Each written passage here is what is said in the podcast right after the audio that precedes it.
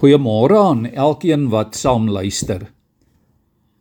Jesaja 62 vers 2 tot 4 sê: Jy sal 'n nuwe naam kry, 'n naam wat die Here self vir jou gekies het.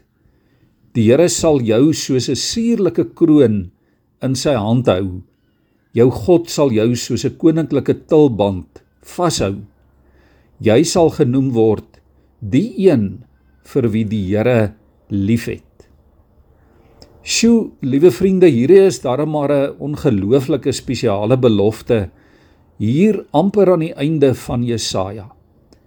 Dit is 'n belofte vir elkeen van God se kinders en ook vir jou. Ja, jy, kind van God wat na hierdie woord luister. Daar is 'n hele paar mense in die Bybel vir wie die Here nuwe name gegee het.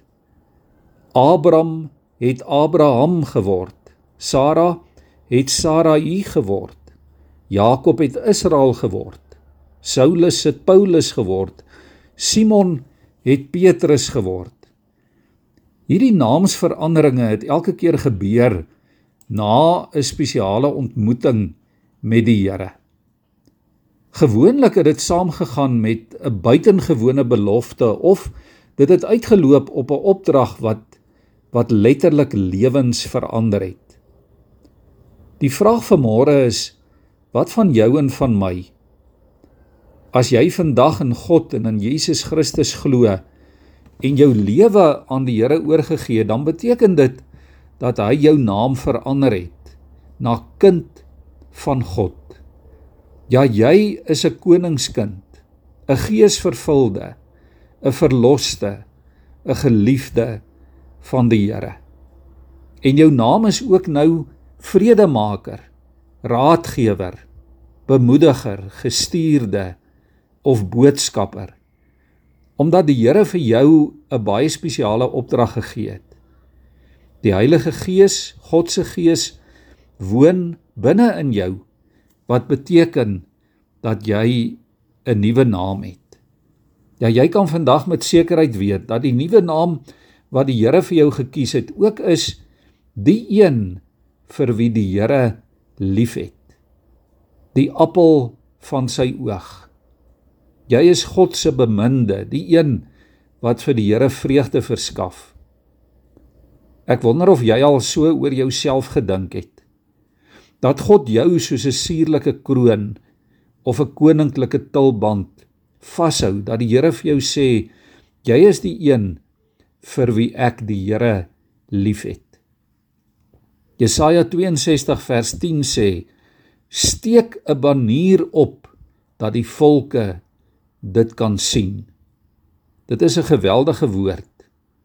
Kom ons hoor mooi wat sê die Here. Hy sê: Wys vir die wêreld jou nuwe naam. Laat jou getuienis wees soos 'n groot advertensiebord langs die hoofpaaie, langs die snelweë van die lewe, sodat almal kan sien en kan weet wie en wat jy is. Jy is die geliefde van God. Daarom moenie daaroor skaam wees nie. Leef dit uit, sê dit, wys dit, verkondig dit. Steek 'n banier in die lug in, waai 'n vlag, rig 'n teken op, sit 'n klip iewers neer, plak 'n plakker op, dra 'n T-hemp met die boodskap van die evangelie. 'n Boodskap van hoop, 'n boodskap wat sê God is hier. Hy kom om te verlos en te vergewe en te red. En daar is geen einde aan sy liefde nie.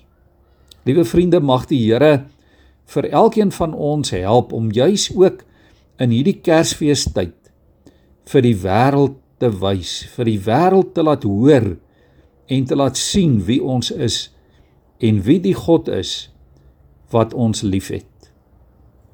Mag jy vandag en in hierdie tyd jou nuwe naam gestand doen. Onthou, jy's 'n koningskind. Jy's 'n prins, 'n prinses van die koning. Jy's deel van die koningshuis.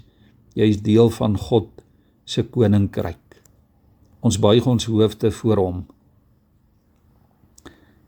Here, dankie dat U vir ons elkeen waardig ag, Here, om vir ons 'n nuwe naam te gee.